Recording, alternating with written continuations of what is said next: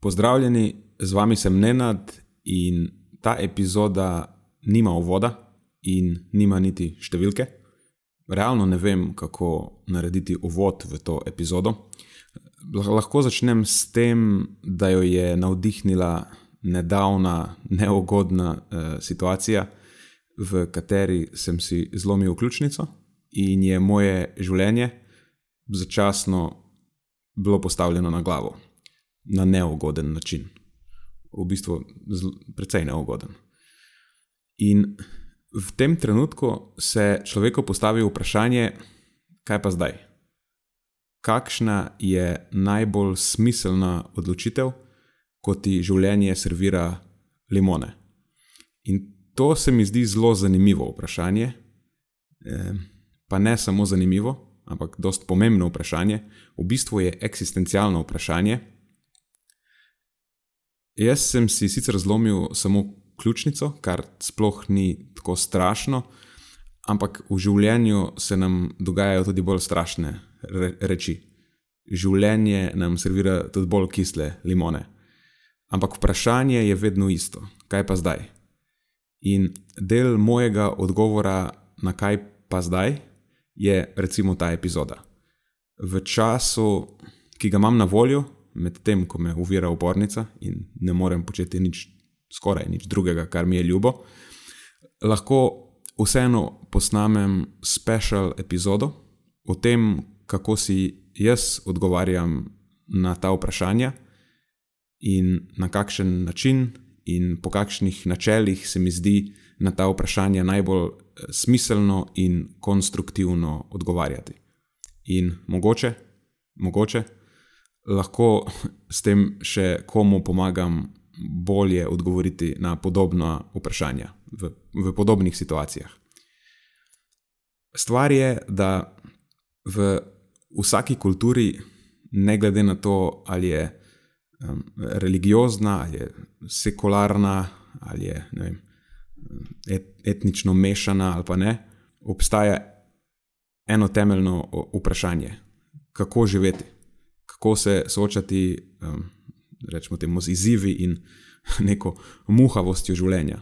Ne, kako se recimo obnašati v odnosu do sveta, v odnosu do drugih ljudi, in na koncu tudi, če temu rečemo, ultimativno vprašanje, kako se človek pripravi na tiste največje teste našega karakterja, na, na trenutke, ko iz življenja izgubimo nekaj, kar nam je izjemno ljubo, in recimo čist na zadnje, ko dejansko, na tisti trenutek, ko dejansko izgubimo svoje življenje, če vemo, da ga bomo kmalo izgubili. Če ne vemo, pa se nam najbrž ni treba na to pripravljati. In tekom zgodovine človeštva so, so bili izumljeni številni sistemi, ki naslavljajo ta vprašanja in ponujajo različne odgovore in različne rešitve za ta vprašanja ali pa za te probleme imamo različne religije, različne filozofije, so ene bolj mistične, druge so bolj racionalne, celo recimo hiperracionalne. In eh, nabor teh različnih, v narekovajih, metod, s pomočjo katerih lahko človek danes poskuša manevrirati po svoji življenjski poti, se poskuša um, vem, zaščititi pred eh, bolečino, trpljenjem, eh, poskuša kar se da uživati v vem, v lepih trenutkih in pač na splošno uh, poiskati nek svoj namen in pomen življenja. Pač nabor teh metod je res samo usupljiv. Tako res lahko zbiraš. Če ti dišijo religije, imaš na voljo celo paleto. Imáš zahodne opcije, ki so iz nekih judeo-krščansko-islamskih religij, Imáš na drugi strani vzhodne opcije, naprimer razne budistične različice, pa imaš taoizem, konfucianizem in tako naprej. Če si bolj filozofski tip, pa v bistvu imaš na voljo še več stvari. Recimo popularne so, kaj bi bile, eksistencializem, eh, sekularni humanizem, sekularni budizem, sem slišal, da je popularen v zadnjem času, imaš etični humanizem in ne vem, ziherih je še kup drugih. Um, v bistvu lahko se odločiš tudi, da se te igrice ne igraš in da je iskanje smisla življenja brezvezno, in sam sprejmeš neko verzijo nihilizma. ker itak nič nima veze. Pol lahko postaneš tudi ateist, um, lahko, lahko to, to, je, tudi to je popularno v zadnjem času, lahko se zatečeš v nek slep scientizem ali nekaj podobnega, sploh v sodobnem času, ali pa recimo v zadnjih nekaj desetletjih, se je dejansko poskusom reševanja teh eksistencialnih vprašanj in iskanju rešitev za nje pridružila tudi znanost. In na, na tej točki se, se morda kdo sprašuje, zakaj to ni moja prva izbira. Ampak je odgovor zelo preprost.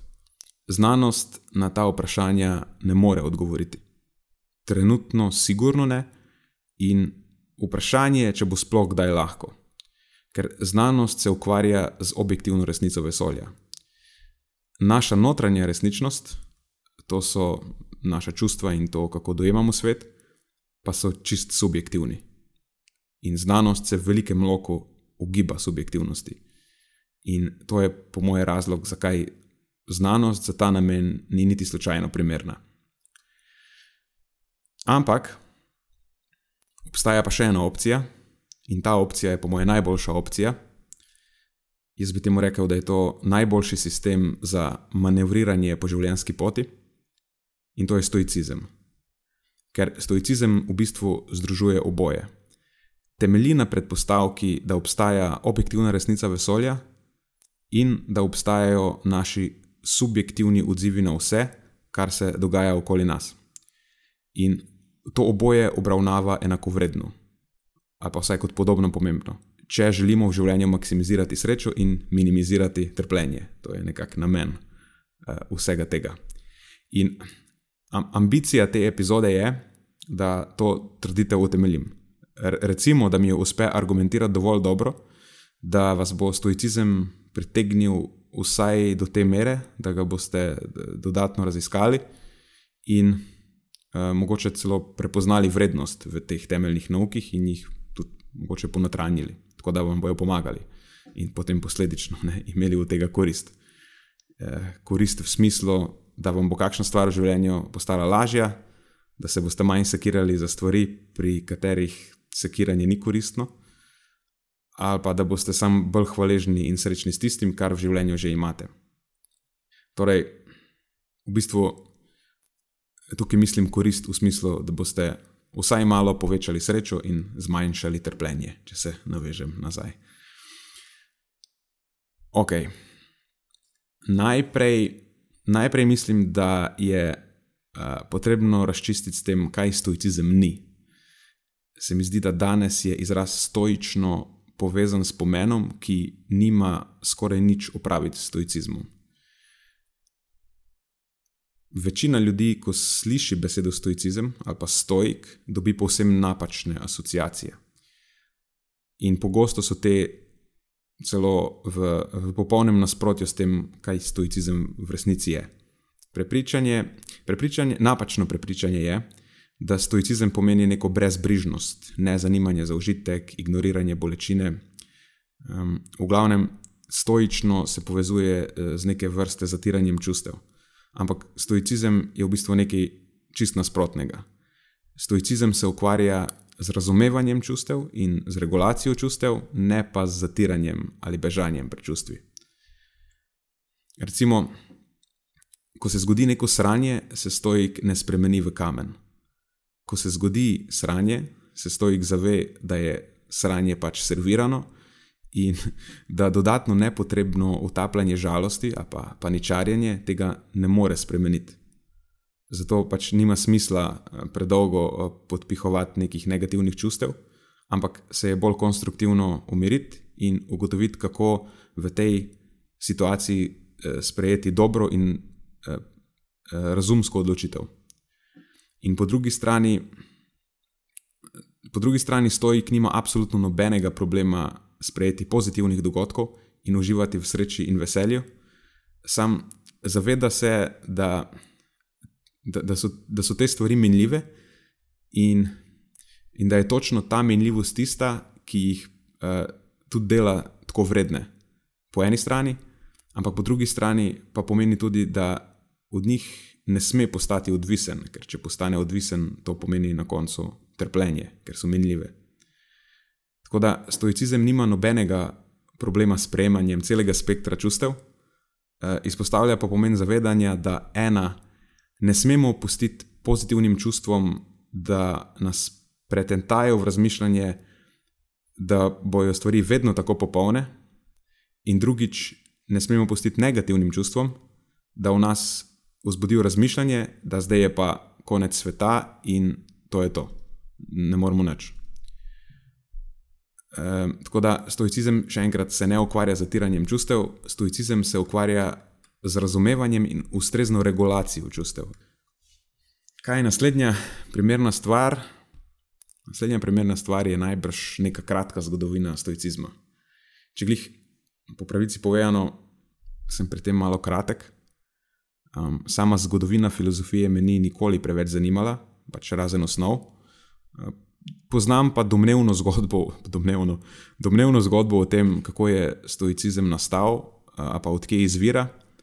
In tudi, če, če sem čisti iskren, mislim, da je to v bistvu tudi edina zgodba, ki jo vsak nadebudni stojik mora poznati. In gre nekako tako. Um, pa da jim narediti tako.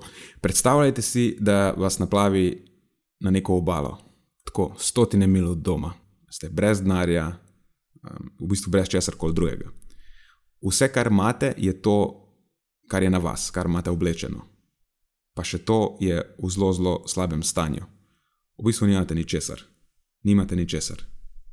Oziroma, oziroma nimate ničesar drugega kot sami sebe.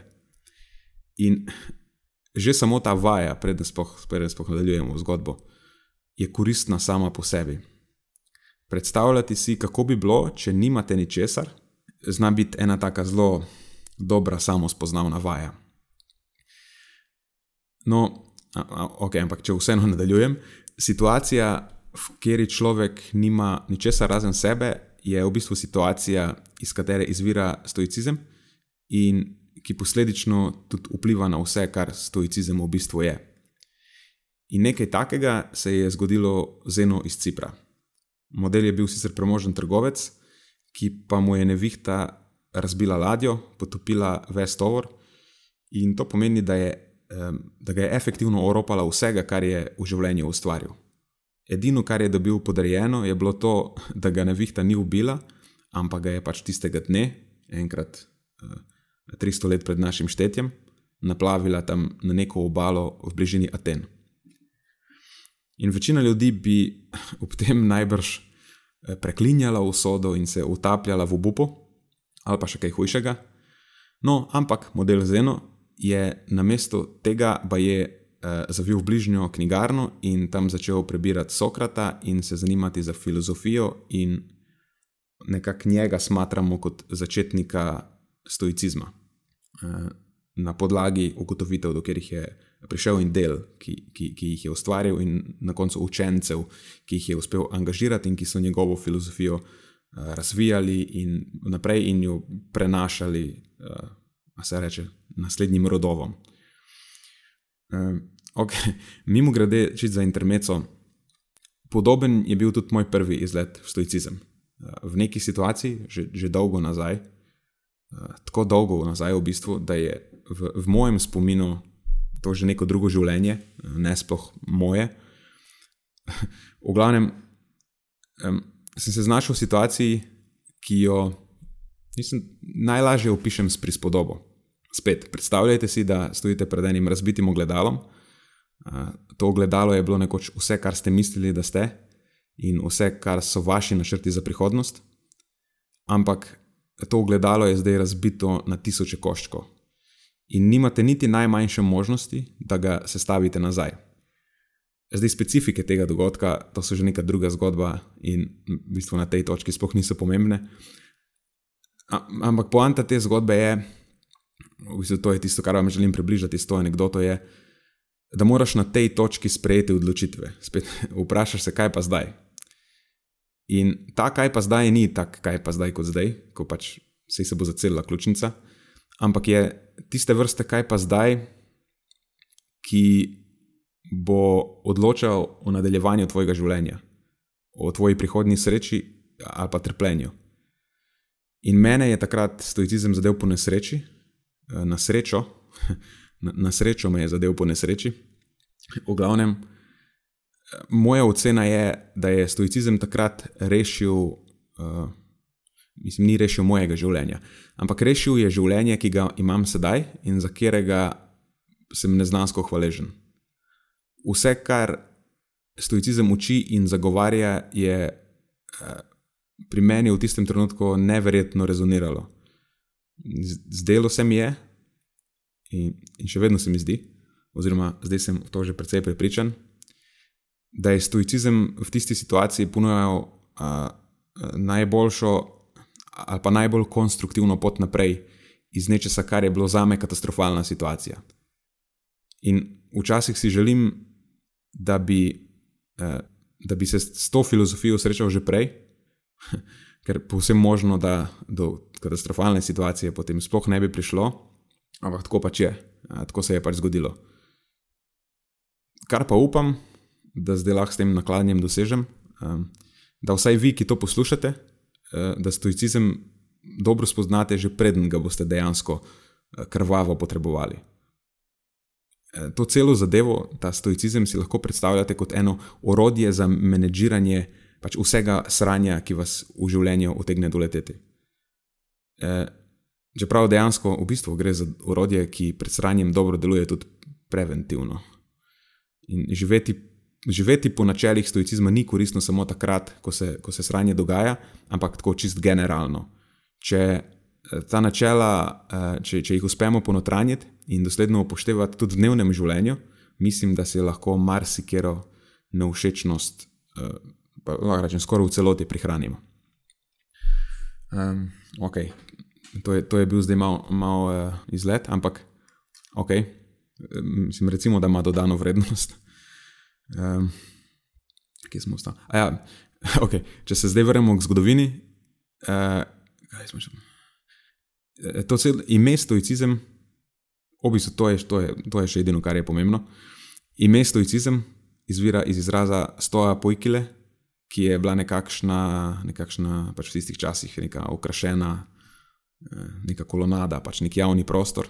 Mislim, da je stebrišče slovenski prevod za kolonado. Uh, pač nek javni prostor, če poenostavim, nek trg, tako si predstavljate.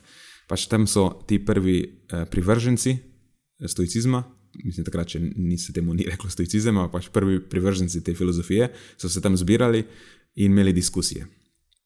In se mi zdi, da je zdaj to dober uh, vhod v to, da, da pridemo počasi na to, o čem, so, o čem so diskutirali in kaj, kaj stoicizem uh, dejansko je. Um, stoiki verjamejo, a pa verjamemo, verjamemo, rečemo tako, da vse okoli nas operira v skladu z mrežo vzrokov in učinkov. Eh, kar posledično pomeni, da obstaja neka uh, objektivna struktura eh, vesolja, neka resničnost, neki zakoni vesolja, pač zelo podobno dojemajo zadevo kot danes, recimo znanost. Ampak stojiki so to poimenovali logos. In ta logos večinoma deluje neodvisno od nas.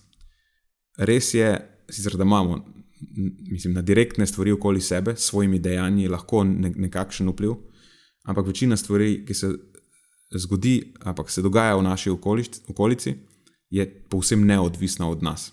Nad, nad temi stvarmi nimamo praktično nobenega nadzora.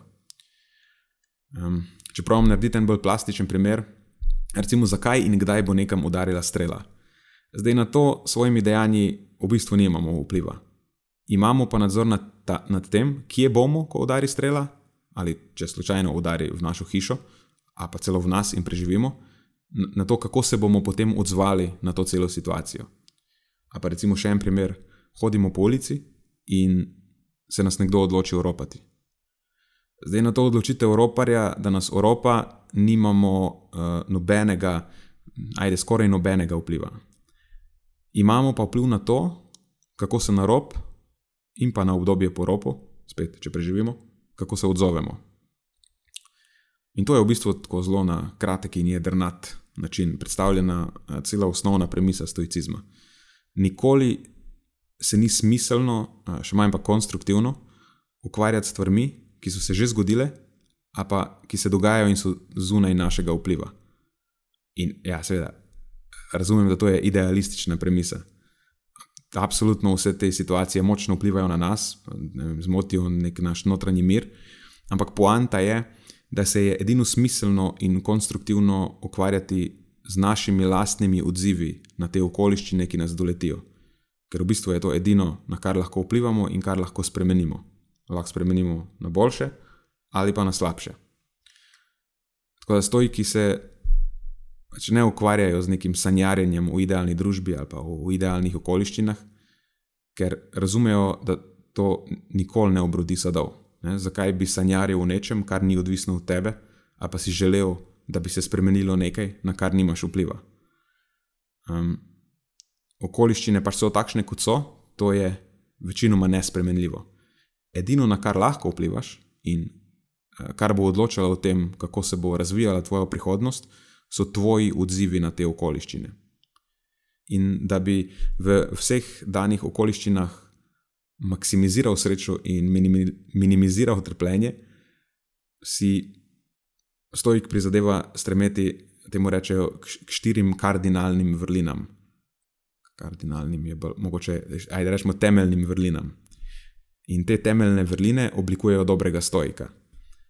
Prva je praktična modrost, ki pomeni eh, zmožnost spopadanja z zahtevnimi situacijami na razumski, premišljen in miren način.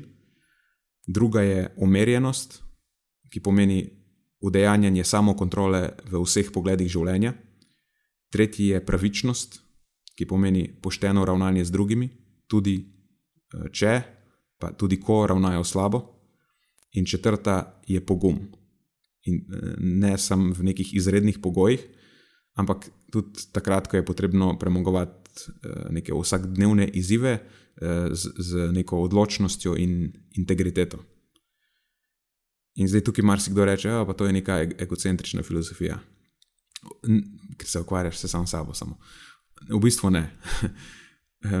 Res je, da se stoicizem osredotoča na osebnostno rast, ampak ni egocentrična filozofija, v bistvu je glih nasprotno. Sam, recimo, za primer, v času, ko je rimsko pravo smatralo sužnje kot osebno lastnino, s katero lahko počneš praktično karkoli te je volja, so bili stojiki tisti, ki so zagovarjali.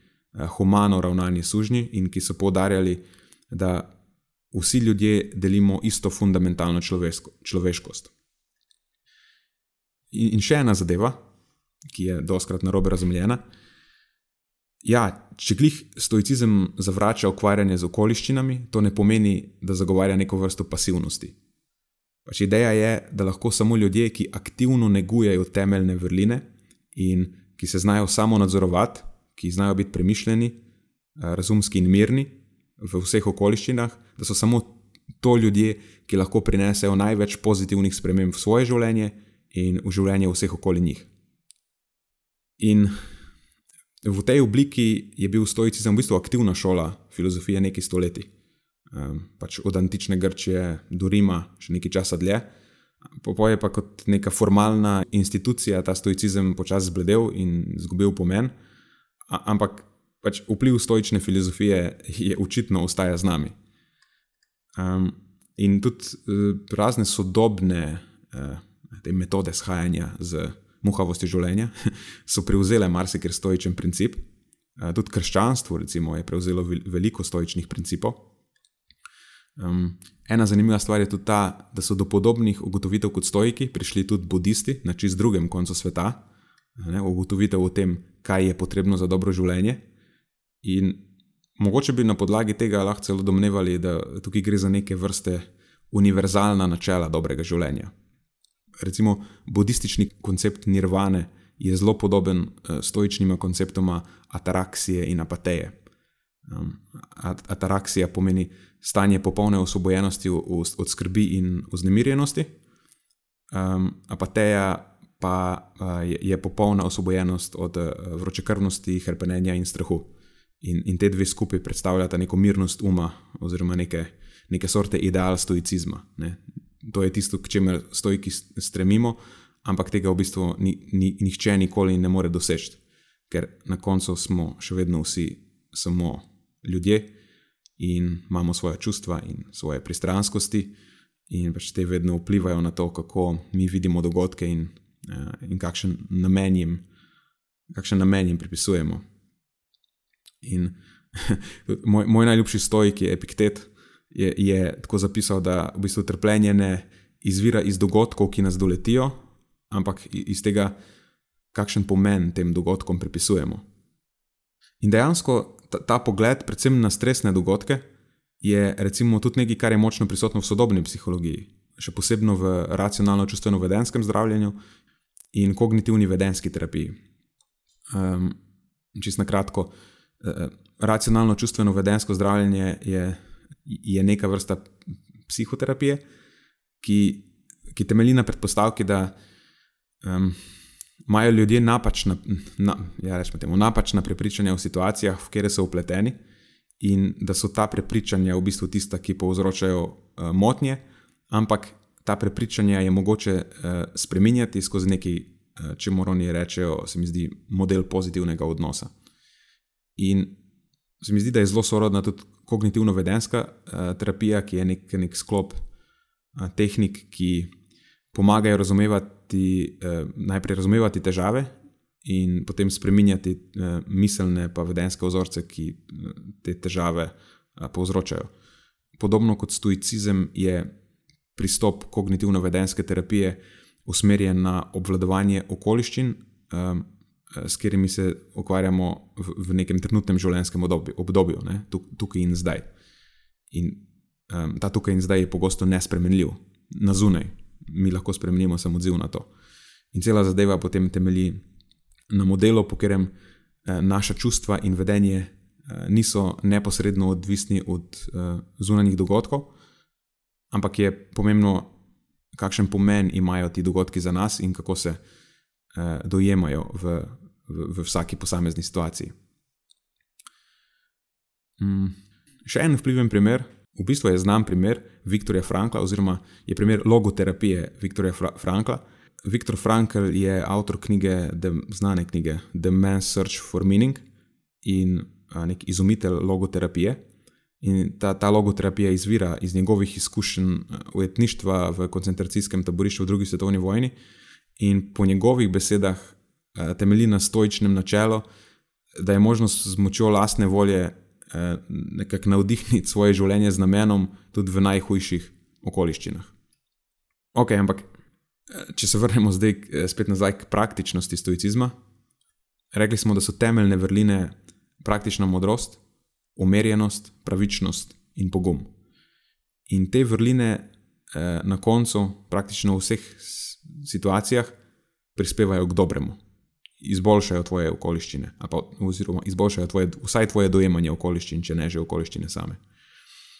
In potem nasprotno imamo štiri vices, je po angliško rečemo temu pokvarjenosti. In te pokvarjenosti na koncu skoraj vedno privedejo do slabega, a pa do trpljenja, do še več trpljenja. In te štiri pokvarjenosti so neumerjenost oziroma pretiravanje, nepravičnost, strahopetnost in neumnost. In to sta dva ekstrema. Potem vmes med temi štirimi vrlinami in pokvarjenostmi je pa ena velika sivina, v bistvu nepomembnih stvari, po angliško so te imenovane indifference. Um, in nepomembne stvari so tiste, ki se nam v življenju dogajajo, ampak na njih v bistvu nimamo vpliva. In lahko jih razdelimo v dve skupini. Imamo želene nepomembnosti, recimo zdravje, privlačnost, moč, bogatstvo, užitek, dober sloves in tako naprej. Pač vse, kar nam v življenju lahko prinaša neko prednost, ali pa nam olajša življenje, ali pa vse, kar je fajn. In pol imamo neželene nepomembnosti. Te pa so bolezen, v bistvu nasprotje, nepravičnost, šibkost, revščina, bolečina, slab sloves in tako naprej. Pač vse, kar nam življenje otežuje in vse, kar noben od nas nima rad. E, zdaj, poanta tukaj je, da te nepomembnosti pač so in to je nekaj, kar nas doleti in na nekaj, kar skoraj nikoli nimamo vpliva. In ja, absolutno, seveda, bomo uživali v želenih nepomembnostih in se poskušali izogniti neželenih. In čist normalno je, da ko nas doletijo neželene nepomembnosti, da smo takrat ranjeni, da to nekako negativno vpliva na nas, je pač na koncu dneva spet smo vsi ljudje. Ampak tukaj polostopi stoična etika, ki pravi, da so ne glede na nepomembnosti, s katerimi smo soočeni, pravilna dejanja vedno v skladu s temeljnimi vrlinami: modrosti, umirjenosti, pravičnosti in pogumom. Da je to tisto, kar na koncu najbolj maksimizira srečo in minimizira trpljenje. In pol na drugi strani so pokvarjenosti, pretiravanje, nepravičnost, strahopetnost, neumnost, te so pa tiste, ki na koncu tudi iz eh, zaželenih nepomembnosti vodijo v trpljenje, ali pa, ne, če so nas recimo neželene nepomembnosti doletele, trpljenje samo še poglobijo. In recimo, če hočemo biti še bolj, spet, bolj plastični, če si zdrav, bogat in na splošno uživaš v življenju, recimo, lahko maksimiziraš uživanje v tem in povečaš verjetnost, ne, da te okoliščine ohraniš dlje časa, če se vedeš modro, umirjeno, pravično, pogumno. Ne, to pomeni, da ceniš, kar imaš, se obnašaš do tega racionalno, se eh, pretirano ne navežeš na užitek, in razumeš, da so te zadeve menljive, in pa pač ceniš vsak trenutek, ko so te stvari prisotne v tvojem življenju. Zdaj, po drugi strani, če si bolan, reven ali pa pač na splošno trpiš v življenju, pa boš z, z modrim, usmerjenim, pravičnim, pogumnim življenjem najbrž zmanjšal trpljenje, um, povečal srečo, a pa celo verjetnost, da se te okoliščine spremenijo. Ne, to pa pomeni spet, da ne jamraš, da provaš najti rešitve, da se, zaved, ja, da se zavedaš, da si, da si sicer v slabšem položaju, ampak zaradi tega ne obupaš. Da zbereš pogum, da stopiš iz cone obdobja, tudi takrat, če nisi siguren, da lahko s tem karkoli izboljšaš, um, da si pravičen, da, da ne zahtevaš več, kot ti je vesolje pripravljeno servirati, da se ne primerjaš z drugimi, da ne jokaš zato, ker imajo drugi več kot ti, ampak pač da ceniš uh, vsak korak ki pomeni napredek, glede na tvojo situacijo. In pol čisto obratno, lahko rečemo za pokvarjenost.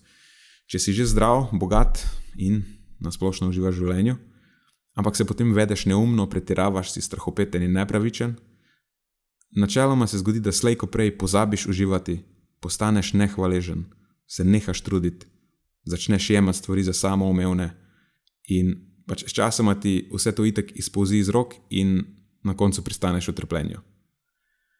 Če pa si že v startu bolan, reven, a pa trpiš v življenju, pa pa lahko z neumnostjo, pretiravanjem, strahopetnostjo in nepravičnostjo v bistvu svoje trpljenje edin še poglobiš. Ker če jokaš in se utapljaš v samo pomilovanju, ker ti je slabo, ne more biti drugega kot samo še slabše, ker pač britkost ne prinaša odrešenja. Ok. da pravimo zaviti malo bolj to na pozitivno. Imamo, obdelali smo stoično logiko, ki pravi, da ima vse, kar se zgodi v vesolju, svoj objektivni vzrok in učinek. Um, tako kot smo že rekli, v bistvu zelo podobno kot na stvari gleda sodobna znanost. In, in to je ta nek objektivni del stoicizma. In obdelali smo stoično etiko, ki pa pravi, da so Eh, pravilna dejanja v vsaki situaciji usklajena z modrostjo, umirjenostjo, pravičnostjo in pogumom. Ne, to pa v bistvu zajema tisti subjektivni del. Eh, oziroma, sem en del subjektivnega dela, polovica subjektivnega dela, rečemo temu. Eh, ostal nam je zdaj še drug del subjektivnega dela, oziroma neka stvar, ki v bistvu povezuje subjektivno in objektivno, in to je pa stoična fizika. In Uh, okay, to ni tista fizika, eh, fiz, kot fizika, ki jo razumemo danes kot fiziko. Stoična fizika je uh, v bistvu nek, uh, nek sistem idej in konceptov o tem, kako človek razume svet okoli sebe. Pač stoiki verjamejo, da je optimalna pot do srečnega in uspešnega življenja življenje v skladu z naravo. Ja, vem, to je tudi meni ni mi bilo všeč, no, kako, je, kako je to zastavljeno. Ampak ok, v bistvu ni mi bilo všeč, dokler nisem razumel. Življenje v skladu z naravo. Zdaj, to se mi je, vsaj meni se je to na prvo žogo slišalo kot neka hipijevska fora. Ampak v bistvu gre samo nek neroden, ne vem, če je prevod, pač nerodno je to tako zastavljeno. Ker življenje v skladu z naravo, ne, to ne pomeni nekega ne vem, češčenja narave in eh, nekih kumbaja obredov z rožcami. Eh, ne, ne pomeni, da se moraš preseliti v divjino, pa živeti v jami, ali pa ne vem, neke druge sorte a, teh primitivističnih for, ne, ne pomeni, da zanikaš ne, tehnologijo in tako naprej. V bistvu je tako, da najprej eh, narava, v tem živeti v skladu z naravo, je narava z velikim N. In čisto preprosto pomeni neko objektivno, neko objektivno resničnost vesolja, neke zakone vesolja, rečemo temu. In v tem kontekstu pomeni pač popolnoma sprejemati, da, da smo ljudje del te objektivne resničnosti in da na nas delujejo dejavniki, ki so izven našega nadzora. In potem na podlagi tega pomeni tudi živeti racionalno in si prizadevati, da se. Um, da se v danih okoliščinah ukvarjamo samo s stvarmi, ki so pod našo kontrolo. To, to pa pomeni, in, in pol prejemo do, te, do tega, ne? ker to pomeni, da živimo in se obnašamo v skladu s stoično etiko. In nekako s tem v bistvu zaokrožimo tri temelje stoicizma. Imamo logiko, ki določa, ali pa od kjer je odvisno, kaj nas bo v življenju doletelo, in potem fiziko, ki nam narekuje, da se je na vse to, kar nas doleti, najboljše odzvati razumsko, premišljeno, mirno in umirjeno, torej v skladu z etiko. In če zdaj nekako povzamemo uh, to vse skupaj, pravimo biti pozitivni na koncu z nekim, z nekim naukom, kaj je, kaj je v bistvu glavni nauk stoicizma. Um, če pogledamo na človeštvo kot celoto, nam tako zelo hitro postane jasno, da ima vsak od nas svoje šibkosti, da ima vsak od nas svoje odlike, pač zelo jasno je, da si nismo enaki, da živimo v različnih okoliščinah. Ampak še vedno se lahko vsak od nas odloči, kako, kako se bo z danimi okoliščinami spopadal in kako se bo na neke dane situacije odzval. Stojiki verjamemo, da imamo vsi ljudje možnost, da, da izboljšamo svojo srečo in vem, zadovoljstvo v življenju, ne glede na to, kar nas v življenju uh, doleti. In meni se zdi to tako zelo, uh, kako temu reče, opolnomo, opolnomočujoča, ali je to sploh izraz. Uh, empowering, fum je bilo še ta angliški izraz. Neka tako zelo empowering pozicija, ker v bistvu ne glede na to, kjer si, si lahko prizadevaš za to, da bo boljše. Ker pač takšna je realnost. No? Vsi bomo kdaj izpostavljeni nečemu, kar nam ne bo všeč. Pač tako, tako za, za človeško življenje so značilni. Eh, ne vem, pač itak minljivi trenutki, vse je menljivo, uh, neka spremenljiva narava, um, naše telo več čas propada, um, prihodnost je nepredvidljiva, uh, okoliščine so negotove, ampak poanta je, da, da sreča in zadovoljstvo v življenju nista odvisna od tega. Sreča in zadovoljstvo v življenju sta odvisna od naših predstav o tem in na zadnje od naših odločitev, ko smo s tem soočeni in naših dejanj, ki sledijo temu. In to je v bistvu stoicizem.